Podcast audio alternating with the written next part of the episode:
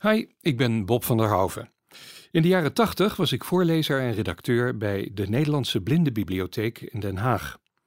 Voor een gesproken tijdschrift ging ik regelmatig op pad om interviews op te nemen met zangers en zangeressen, acteurs, actrices, schrijvers en schrijfsters, cabaretiers en andere mensen die ik interessant vond. Een enkele keer benaderde ik ook mensen in mijn eigen kennissenkring voor een interview. Wel zo makkelijk. Zo sprak ik op 8 maart 1988 met de mezzosopraan Sascha Hunnego. Sascha was toen 24 en nog volop bezig met haar klassieke zangopleiding. Ik praatte met haar over allerlei aspecten van het vak en over haar toekomstverwachtingen. Ook de techniek van het zingen komt bijvoorbeeld aan bod en de verschillen daarin tussen lichte en klassieke muziek. Diezelfde middag mocht ik ook aanwezig zijn bij een zangrepetitie bij haar thuis, waar ik uiteraard opname van heb gemaakt.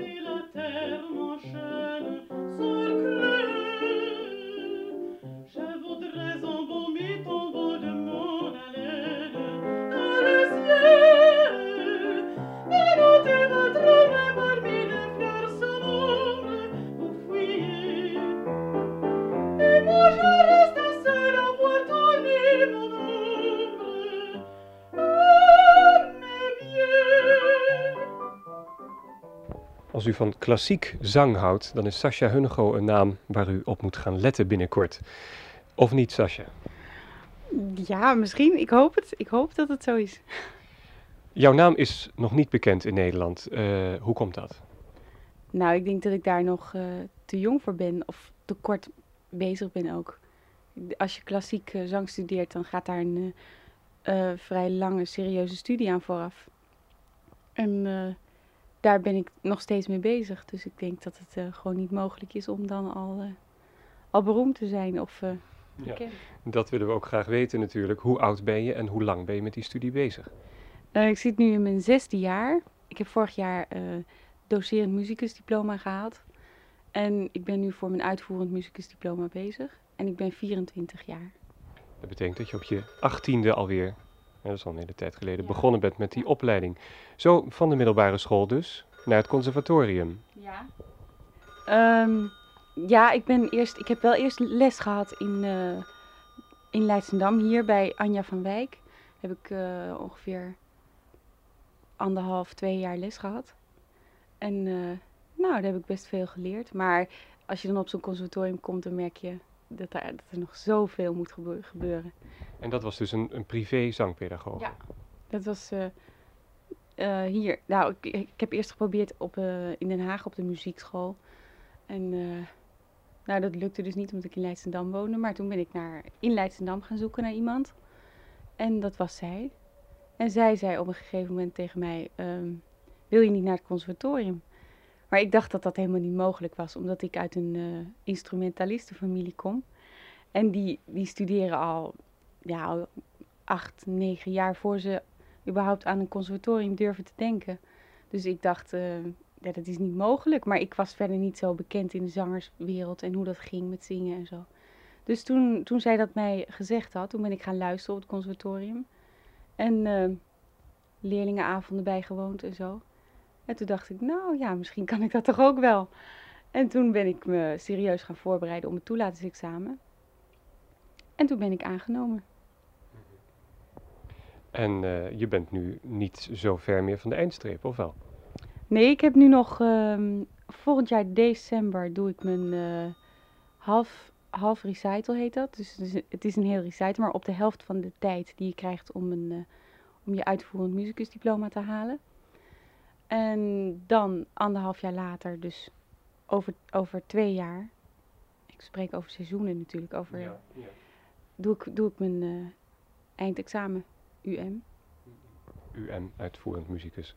Uitvoerend zangeres in dit geval, hè? UZ. Ja. Uh, je vertelde dat je uit een familie komt van instrumentalisten. Jouw vader, Koos Hunnego, is violist in het residentieorkest. Uh, ik kan me voorstellen dat zo'n muzikaal gezin, je moeder speelt piano, ja. weet ik toevallig, en je zusje die bespeelt, meen ik, ook een instrument, hè? viool ook, dacht ik? Ja, die speelt viool. Die wil ook naar het conservatorium gaan dit ja. jaar. Ik kan me voorstellen dat als je in zo'n gezin opgroeit, dat het min of meer vanzelfsprekend wordt om iets in de muziek te gaan willen of doen. Of was het toch niet zo vanzelfsprekend bij jou? Nou, het was nee, het was niet zo vanzelfsprekend. Want ik wilde eerst naar de, naar de tekenacademie. Ik had al jaren uh, modeltekenen gedaan en zo. Op de Vrije Academie. En dat wilde ik eigenlijk. Maar toen begon ik zangles te nemen en dat vond ik heel leuk. En toen me ook nog gezegd werd dat er een uh, goede kans was dat ik, uh, dat ik aangenomen zou worden en dat het goed zou gaan. Uh, toen vond ik dat eigenlijk veel leuker en toen pas ben ik dat gaan doen. En het is natuurlijk wel zo dat, dat, dat je, als je met muziek opgroeit, dat je daar heel veel van houdt. En dat heb ik, ik heb altijd al heel leuk gevonden om te zingen. En mijn moeder Sinterklaasliedjes en kinderliedjes bij de piano. En, en je hoort natuurlijk, je, mijn vader en moeder spelen veel, veel samen en daar zit je dan bij. En ja, je, wordt je echt met de paplepel ingegoten natuurlijk, dat ja. wel. Tekenen en zingen zijn allebei creatieve uitingsvormen. Maar waarom vind je dan dat zingen zoveel leuker dan tekenen? Tekenen is toch ook leuk?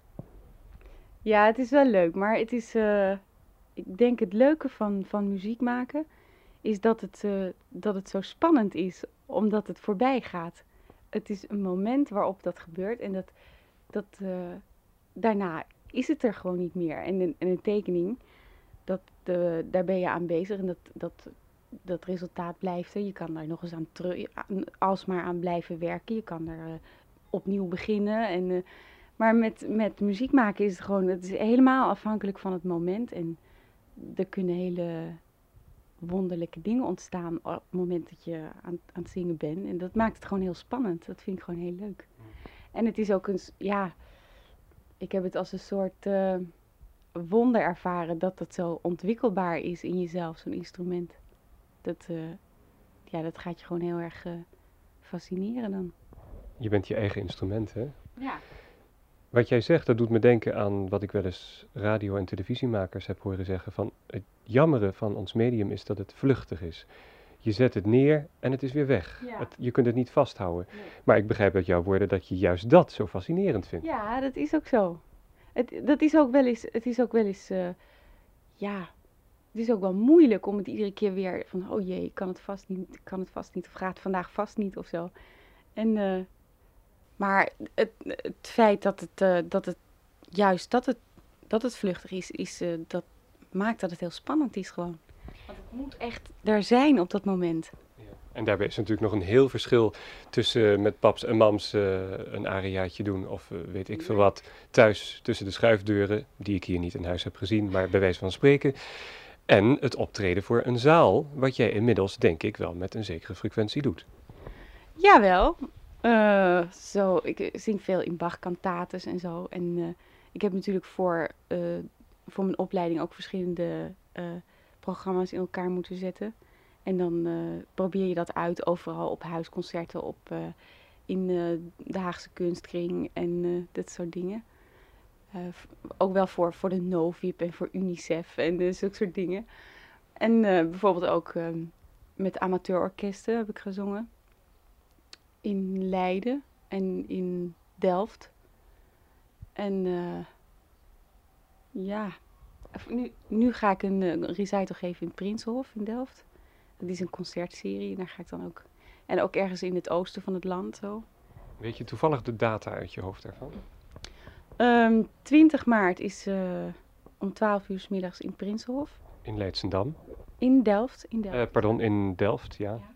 En in in het oosten van het land, dat is in, uh, in Drenthe. In Vledderveen heet dat. Maar dit is een, uh, een of andere culturele raad. Die heeft mij daarvoor gevraagd. En uh, nou, daar ben ik op het moment dan heel erg mee bezig. Daar ga ik ook voor repeteren vanmiddag. Um, ja, wat ben ik nog meer aan het doen? Ik ben, uh, dat is dan niet uitvoerend, maar ik geef ook in Delft een cursus stemvorming op een muziekschool. En daar, dat is heel veel werk, want het zijn allemaal mensen die, ja, die moeten leren noten lezen. Ze moeten iets van zangtechniek leren begrijpen. En uh, is een beetje gevoel voor ritmiek bijbrengen en zo. Dus het is een combinatie tussen algemene muzikale vorming en stemvorming, zeg maar. En daar is, bestaan geen methodes voor, dus dat ben ik eigenlijk zelf een beetje aan het, uh, maken. Dat is de, de onderwijskant van het verhaal. Maar ik wil nog even bij het optreden blijven. Heb je nooit last van faalangst? Uh, jawel, nou in het begin had ik dat helemaal niet. Maar toen voelde ik ook veel minder verantwoordelijkheid natuurlijk. Dus ik, uh, ik durfde alles. Ik vond het, ik vond het echt heel heerlijk om, om, om te zingen voor mensen. Maar toen op een gegeven moment, toen werd het wel steeds, uh, vond ik het wel steeds enger worden. En Waarom ga je nou meer verantwoordelijkheid voelen? Ja, omdat je steeds meer gaat beseffen wat je allemaal nog niet kan. Hoe meer je ermee bezig gaat houden, dan ja. In het begin denk je echt dat je alles kan. Het is een bekend verschijnsel ook dat mensen die je voorkomen zingen op een conservatorium veel te moeilijke dingen zingen. Echt veel te moeilijk. Zingen hele aria's uit opera's. En dan die commissie die zit daar dan zo'n beetje grijnzend. Die weten dat natuurlijk al wel. En die, uh, maar dat, dat, zo, zo begint iedereen gewoon. Je bent overmoedig. En op een gegeven moment dan, als je, als je gewezen wordt uh, op, op dingen die je allemaal niet kan, die je moet, nog moet leren. Dan uh, wordt, het, wordt het beduidend spannender natuurlijk. En maar dat is een, een, een, een, stadium. Ik heb het toch altijd leuker gevonden dan, dan eng. Je hebt ook wel mensen die het enger vinden dan leuk. En dan is het verkeerd volgens mij. Ja, dan moet je misschien toch een ander vak kiezen, denk ik. Dat denk ik wel. Je moet toch een, een soort vrijheid. Je moet je vrij voelen toch op een podium. Om, om creatief te kunnen zijn. Ik denk dat angst. Angst is, een, um, is echt de vijand van creativiteit. Dus dat is onmogelijk. Je vertelde zo even iets over lessen die je geeft aan een muziekschool. Dat is een bekend gegeven, hè, dat mensen die een opleiding hebben gevolgd aan een conservatorium hun kennis en ervaring weer door gaan geven aan nieuwe mensen. Mhm. En uh, het zij privélessen geven of zelf weer aan een conservatorium les gaan geven.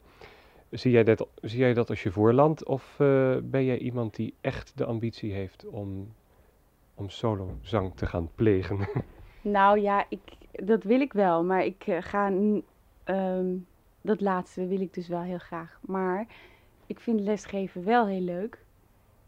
En ik denk wel dat het gewoon ook nodig is. Het is heel leerzaam, ten eerste. Je leert er heel erg veel van, van lesgeven. En uh, ja, van solo zingen kan je zeker in het begin gewoon helemaal niet leven natuurlijk. Dus je moet, je moet wel zoiets.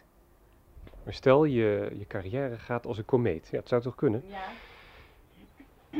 Zou je het dan toch bij willen blijven doen, dat lesgeven, omdat het uh, je na aan het hart ligt? Of zeg je dan van ja, luister eens, ik kan mijn agenda elke dag wel vol boeken met een uh, optreden, dan ga ik dat liever doen. Nou, Wat is belangrijker? Ja, dat zou ik liever doen. Dan zou ik liever zelf zingen. Ja, want ik heb wel zitten denken dan een baan aan de muziekschool of bijvoorbeeld in een beroepskoor ensemble zingen. Dat zou, de keus daartussen, dat zou ik toch liever in een uh, ensemble zingen. Gewoon omdat je dan ja, omdat je zelf, omdat je zelf uh, bezig bent dan. En dat je ook uh, bijvoorbeeld in het Nederlands Kamerkoor of zo, dan werk je steeds met andere dirigenten en mensen die, die je heel erg kunnen inspireren en zo. Dus dat lijkt me, dat zou ik liever doen dan. Maar dat neemt niet weg dat ik het wel leuk vind ook om les te geven. Vanmiddag ben je thuis aan het repeteren. Er komt straks iemand uh, om je te begeleiden. Ja. Een pianist of pianiste, geloof pianiste. ik. Hè? Um, hoe pak je zo'n repetitie aan? Wat doen jullie zo al? Nou, we zijn natuurlijk nu wel in een uh, vergevorderd stadium met dit programma. Omdat ik nu, nu zondag al uh, ga uitproberen officieel. En ja, we gaan het nu gewoon in zijn geheel doorzingen. En dan gaan we nog waar het verkeerd is gegaan of waar wat de een en de ander ondervonden heeft tijdens het spelen. Dat gaan we dan uitwisselen en nog eens opnieuw proberen. Ja, zo werkt het ongeveer.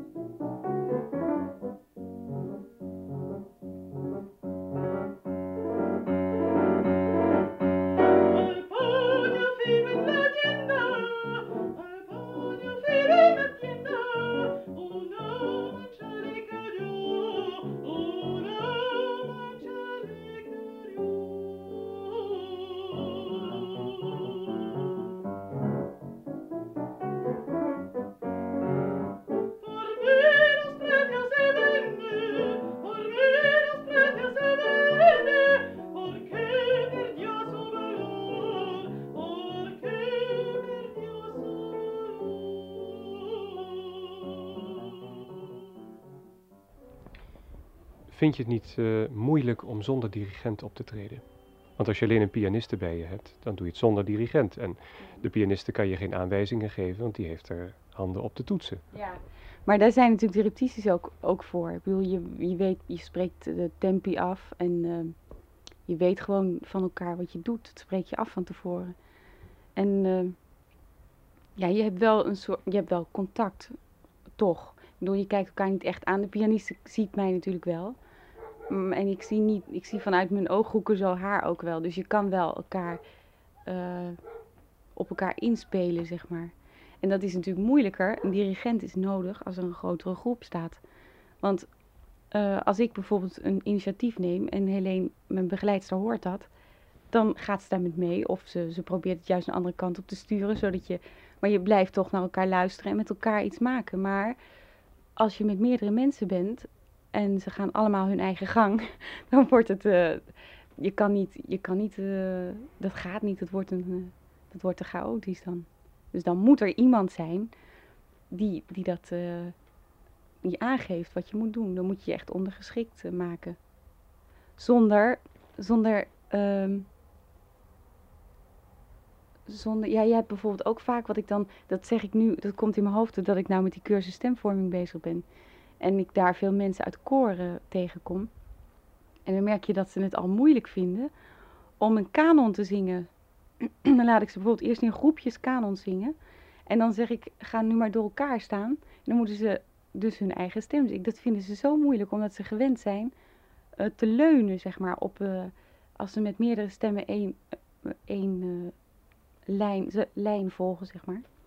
Dan, nee, durf, dan nemen ze op een gegeven moment zelf helemaal geen initiatief meer. Dan, dan vergaan ze daarin. Dan denken ze ook, ik voel me wel veilig zo in dit groepje. En ze leunen dan echt op een ander. En dan, uh, dan merk je dat. En dat mag niet gebeuren natuurlijk. Je moet wel altijd je verantwoordelijk blijven voelen voor, voor wat je doet. En dat merk je vooral in grote, grote koren is dat heel erg zo. Mensen dan echt zo verdwijnen in de, in de massa. Wat voor stem heb jij zelf? Ik heb een uh, lage mezzo-sopraan. Dus dat, ja, alt-mezzo. De meeste mensen die me horen zingen vinden dat ik een echte alt ben. Maar ik heb het bereik, de omvang van een mezzosopraan. En uh, nou, daar ben ik eigenlijk heel blij mee. Want er zijn natuurlijk ook mezzosopranen die, die uh, aan de hoge kant zijn. En die kunnen dan net geen sopraanpartijen zingen, net geen altpartijen zingen. En uh, dat, ik kan wel een altpartij zingen. Een hoge mezzosopraan kan dat gewoon niet, omdat dat timbre daarvan niet, niet past in de, in de sfeer. Je bent blij met je stemtype. Had je niet liever een sopraan willen zijn? Dat hele hoge. Dat is ook heel mooi, hè? Ja, ja, tuurlijk is het heel mooi. Maar ja, ik denk dat je niet voor niks zo'n stemsoort hebt. Ik bedoel, dit hoort bij je. Ik zou niet, uh, ik zou niet een sopraan willen zijn.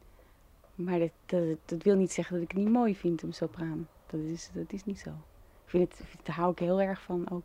En ik moet er ook wel eens... Uh, om lichter te zingen. Want als je een donkere stem hebt, heb je de neiging ook om, om zwaar te zingen. En dat, uh, dat, moet, dat moet niet gewoon. Dat is uh, overdreven. Dus een schepje er bovenop doen nog eens. Hè. Dat, dat moet natuurlijk niet. Dus dan, dan wordt er vaak gezegd, denk maar, denk maar doe maar alsof je een sopraan bent, weet je. En dat helpt dan. Dan, dan ga je ineens lichter van zingen. Dat is heel grappig. Als ik naar klassieke zang luister, bij sommige mensen heb ik wel eens gehad, vooral bij zangeressen, dat uh, door het hele geschoolde en gecultiveerde, vond ik het ook wel eens wat steriel worden. En dat had ik vooral bij hoge stemmen, hè, bij sopranen. Wat koud. Uh, wat, wat, hoe sta je daar tegenover? Ben je het daarmee eens? Of, of heb je daar andere ideeën over? Dat het soms wat kil kan klinken. Nou, ik denk misschien hoe hoger het geluid is, dus de onnatuurlijker dat klinkt misschien. Dat ligt steeds verder van onze. Uh, ja, mensen kunnen zich vaak proberen zich te identificeren met degene die, die zingt. Hè? Veel meer dan met een violist, want daar hebben ze helemaal geen kaas van gegeten. Maar iedereen kan een liedje zingen natuurlijk. Dus probeert zich te identificeren met degene die zingt. En ik denk als het geluid heel hoog is, wordt dat steeds moeilijker natuurlijk. En ik denk dat als je een lage stem hoort, dat ja, dat dat makkelijker te vatten is misschien. En verder is het natuurlijk helemaal afhankelijk van degene die zingt. Of het steriel wordt, ja of nee. Je hebt mensen die zingen, die zingen omdat ze graag hun stem willen ontwikkelen en graag uh, mooie geluiden willen maken. En als, dat kunnen ze dan heel mooi ontwikkelen en dan is het mooi, maar mist het toch iets, dan is het toch, kan het steriel zijn. En ik denk als je altijd probeert uh, er iets mee te doen, gewoon altijd die ontwikkeling van je stem in dienst probeert te stellen van, van uh, de tekst van een lied of de muzikale uh, lijn of hetgeen je erin wil leggen gewoon, dan hoeft het, hoe geschoold dan ook, nooit steriel te zijn. Je hebt dan misschien met jouw stemtype het voordeel dat het, dat klinkt misschien gek, maar nog het dichtste ligt bij de spreekstem. Ja. Hè? En dat is eigenlijk wat je bedoelde, denk ik daarnet. Ja, dat, dat bedoel ik inderdaad. Ja, ja.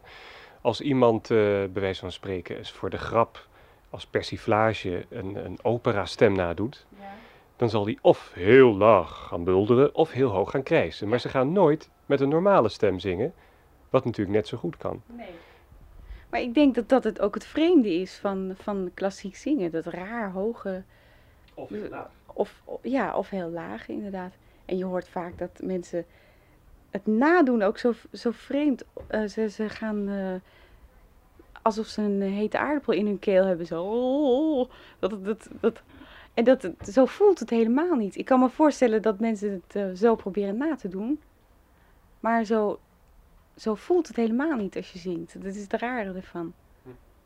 Ze willen het dan dik maken of weet ik het. Wow, wow.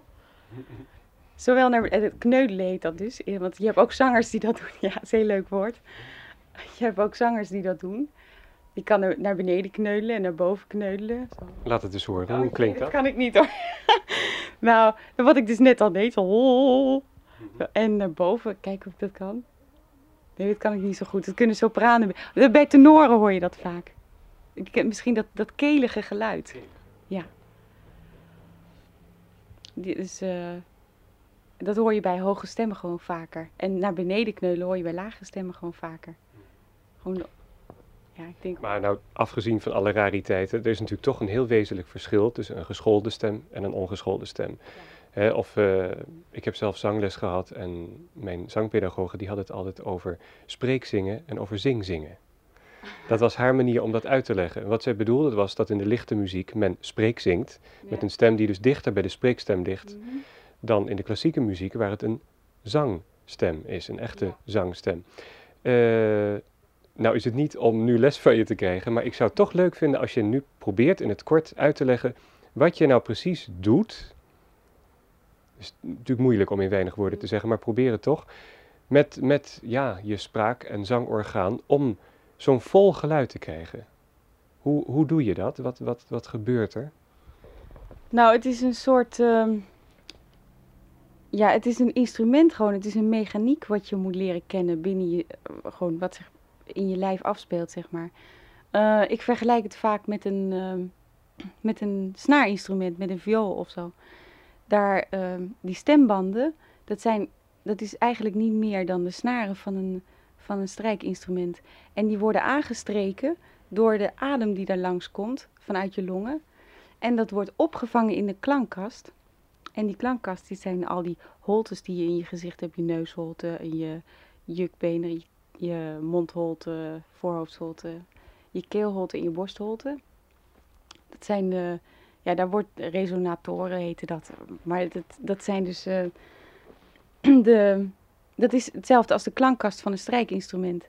En, dus, en die snaren die aangestreken worden door die strijkstok. En uh, zo, zo werkt het ongeveer. En je moet dan een soort uh, balans vinden. Een violist moet ook leren strijken, dus een zanger moet leren zijn adem zo te beheersen dat hij vooral zijn, zijn even denken hoor. Dus hij moet vooral zijn ademhalingsspieren leren beheersen en de spieren in zijn, van zijn gezicht en zo, waarin hij dat opvangt, die klank. En die stembanden zijn eigenlijk helemaal ondergeschikt. En dat, het idee daarvan is vaak, is vaak andersom. Mensen gaan altijd, daarom zingen veel mensen vanuit hun keel echt. omdat ze denken, daar ziet die stem, daar moet het gebeuren. Maar het is in feite een soort eh, eh, balans die je moet vinden tussen de, die ademstroom en de manier waarop je hem opvangt in, in die uh, zeg maar mondholte en alles wat daarmee meetrilt. Het masker, zoals ze dat wel eens noemen. Ja, inderdaad. Om het nou eens heel gek te stellen. Voor dezezelfde microfoon heb ik ook wel eens bijvoorbeeld Connie van der Bos gehad. Wat doet zij nou anders dan jij? Um, ik denk dat ze misschien heel veel dingen best goed doet, op dezelfde manier, maar veel onbewuster. Maar het klinkt zo heel anders wat zij doet. Waarom klinkt het zo anders? Wat, wat, wat gebeurt er mechanisch of fysiek, moet ik zeggen, anders dan bij jou? Ja, dat is een hele moeilijke vraag, maar... Ja, maar ik denk dat het... het uh, wij ontwikkelen onze stem gewoon op een andere manier, omdat het, ons klankideaal is anders. En uh, ja, wij, wij zingen toonladders en uh, noem maar op, allerlei technische oefeningen. En die maken dat, dat je stem toch anders gaat, uh, gaat klinken, denk ik. Ja, en je streeft ook een veel groter volume na. Zij kan zich redden met die microfoon. Ja, Als zij die niet in de handen zou hebben, zou niemand te horen achter nee. in de zaal. Terwijl jij kunt in principe zonder microfoon een hele zaal vol zingen. Ja, nou, dat is dus wat ik, wat ik net probeerde uit te leggen. Misschien wat omslachtig, maar uh, door dat uh, goed ehm, ja, dat heet plaatsen dan. Die balans, dus die ademhaling en de manier waarop je het opvangt, is, uh, dat heet plaatsen. Als je dat goed doet, dan, ga, dan krijgt die toon zoveel draagkracht dat die, uh, dat die gaat dat die verder trilt in de ruimte. Natuurkundig zou dat allemaal te verklaren zijn, dat weet ik verder niet zo. Maar um, dat is natuurlijk, en daar studeer je op, daar, daar werk je op en daar gaat je stem anders door klinken natuurlijk. En voor een microfoon hoef je gewoon niet zoveel te doen. Kan je gewoon, zoals iedereen, leuk een liedje zingen. Als we dan toch natuurkundig bezig zijn, voel ik wel wat voor een praktijktest, Sascha. Oh nee. Uh, ja. Nou wil ik eens horen van jou. Gewoon een toon, maakt niet uit welke toon, een A of een B, maakt niet uit. Uh, zoals bij wijze van spreken een Connie van der Bos of iemand anders dat zou zingen. Dus zonder dat extra wat jij toevoegt. En zoals jij hem aan zou zetten om hem inderdaad zo te laten trillen dat hij die hele zaal doorgaat. Probeer dat nou eens te laten horen. Gewoon één noot. Um. Eerst, laat ik zeggen, volgens uh, de opvatting van de dichte muziek. En dan volgens de geschoolde opvatting. Ja, het is... Uh, Voor de eerste zal ik de microfoon wat dichterbij houden. nou, ik weet niet of dat kan hoor. Um. La, la, la, la, la, zoiets. En dan uh, klassiek, ja. De microfoon deinst achteruit.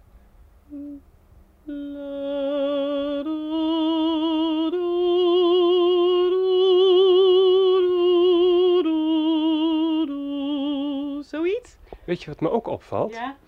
Het volume is niet eens veel groter, maar dat deed je ook opzettelijk, geloof ik. Hè? Je wilde het gewoon even rustig ja. houden. Uh, wat mij opvalt is dat bij het eerste hoor ik meer lucht dan bij het tweede. Ja. Nou, dat is, ik had het net al over die, die balans. Dus die aan, als je dat niet goed doet, als je die adem dus te veel, uh, wat de meeste mensen gewoon doen, als ze in de lichte muziek is het zelfs een effect. Um, dat, ja, dat geheig, hè, zeg ja, maar. Ja, ja. Dus dan is die balans niet zo dat die klank optimaal wordt. En dan, krijg je, dan sluiten je stembanden niet optimaal. En dan krijg je een, naast de klank die eruit komt, krijg je een soort uh, ruis, zeg maar. En in de klassieke muziek is dat uh, uit en boze. En in de lichte muziek is het, is het een effect. Gewoon, wordt er gewoon gebruik van gemaakt. Interpretatief ook gewoon. Kun je daar nou nog wel waardering voor hebben, voor zo'n effect? Of hou je er helemaal niet van? Jawel, wel. In de klassieke muziek niet natuurlijk. Want als ik zo iemand hoor zingen, dan denk ik... Uh, nou, die moet eerst maar een paar lesjes gaan halen. Maar of iets aan zijn astma laten doen. Ja, ja. Nee, maar uh, als je... Nee, in lichte muziek, daar hoort het gewoon bij. En ik vind als, als, dat, als dat goed gedaan wordt... en als dat uh, gewoon ook in dienst staat van, van de muziek en, en de, iets wat ze uit willen dragen daarmee... dan vind ik dat best. Dan vind ik het heel kan ik daarvan genieten ook. Kun je zangeressen noemen, klassieke zangeressen bedoel ik, die echt een voorbeeld voor je zijn? Um, nou, wie ik heel mooi vind zingen is Christa Ludwig bijvoorbeeld. Dat vind ik uh, technisch heel... Het is natuurlijk ook mijn eigen stemsoort. Ja. En eh, nou, die vind ik technisch heel, heel fantastisch. En die vind ik ook interpretatief heel, heel goed. En eh, ja, wie nog meer? Er zijn natuurlijk heel veel. Therese Berganza vind ik ook heel mooi. Daar hou ik heel erg van. Die, ik heb haar wel zien zingen met orkest. En zong ze van die eh, Spaanse zarzuelas heten die. Zo van die operette dingen. Nou, dat is ongelooflijk. Met een timing en dat is ongelooflijk echt. Dat, dat, dat zou ik wel willen bereiken, ja. Als, het, eh, als dat allemaal mogelijk is, dan... eh, ja, dat is wel een voorbeeld, inderdaad. En bijvoorbeeld, dichterbij is eh, Jart van Nes bijvoorbeeld iemand die heel... eh, ook een boeiend verschijnsel is op zich. Want die, die had van nature heel weinig stem. En is toen haar stem gaan ontwikkelen. Heeft ook de mogelijkheid gekregen omdat ze zoveel zeggingskracht had eigenlijk. Want als het alleen om de stem was gegaan, dan denk ik dat ze dan niet eens de mogelijkheid had gekregen op het conservatorium om het eh, te ontwikkelen. Maar die heeft dat nu zo fantastisch uitgebouwd, die techniek toch. En daarbij is natuurlijk die zeggingskracht gebleven. En dat is eh, heel boeiend wat ze doet. Dat is heel goed. Je schenkt zowel aandacht aan interpretatie als aan techniek. We hebben het vooral over techniek gehad tot nu toe. Maar ook die interpretatieve kant is natuurlijk heel belangrijk. Wat doe je om een stuk voor jouw gevoel echt goed te kunnen interpreteren? Wat moet je daarvoor doen? Of misschien wel laten? Nou, je moet je nou, in de eerste plaats heel erg in de tekst verdiepen natuurlijk. En nou is die tekst in het Latijn of eh, in het Italiaans of zo. Wat, wat moet je dan? Nou ja, dan nog. Ik bedoel, je moet altijd weten wat je zingt natuurlijk. Je moet... eh, we krijgen ook die talen wel op het, op het conservatorium, Italiaans in ieder geval. En eh die andere talen heb ik op school gehad. Maar in ieder geval moet je... Ja, je moet... De teksten moet je je heel erg mee bezighouden. En het is eigenlijk eh, net alsof je bij ieder lied of iedere rol... alsof je een klein toneelstukje speelt. Je moet in de huid kruipen van, van degene die, die dat zingt en zo. En dat, eh, dan is op de tweede plaats komt dan gelijk dat je precies moet uitvoeren wat, eh, wat de componist heeft geschreven. Want die, ik bedoel, dat is je enige houvast. Je moet, er staan vaak al dynamische tekens en eh, ja, als je, als je heel goed opvolgt wat, wat er staat, dan, eh, nou, vaak heb je dan al een acceptabele interpretatie. Droom je wel eens over zingen? Over een optreden voor een zaal? Ehm, ik heb wel eens gedroomd dat ik me heel erg zou vergissen. Dat, ik, dat is ook wel eens gebeurd. En daarna heb ik nog wel eens die droom gehad, want dat vond ik heel erg. Dat was, dat was, eh, ja, dat was eigenlijk in die periode waar ik het er net over gehad heb. Dat ik, dat ik eerst zo heel overmoedig van alles zong. En toen ineens, ik had, me er nooit, ik had er nooit bij stilgestaan dat ik wel eens mijn tekst kon, kon vergeten of zo. En toen ineens, toen stond, stond ik te zingen, toen dacht ik, wat komt er nou? En toen wist ik het niet meer. Op het moment dat je dat denkt, dan weet je dus ook echt niet meer.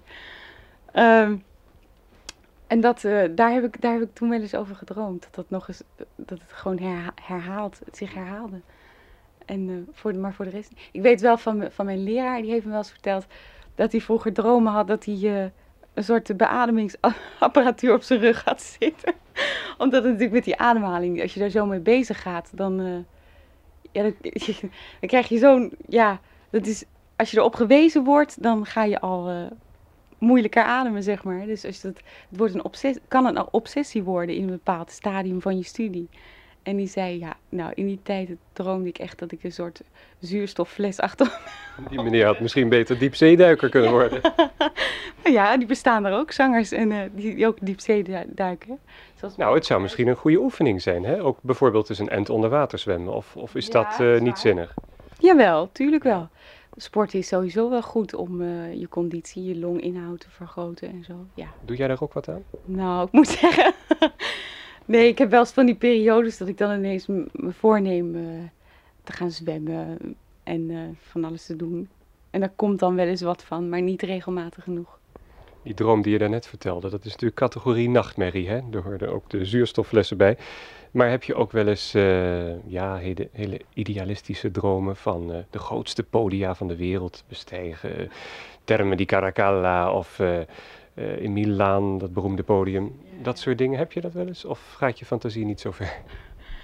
Nou ja, ik, ik denk het wel eens. Ik, ik hoop, nee, ik droom het nooit. Ik, ik, Je dagdroomt het. ik, ik dacht droom het wel eens. Ja, dat wel.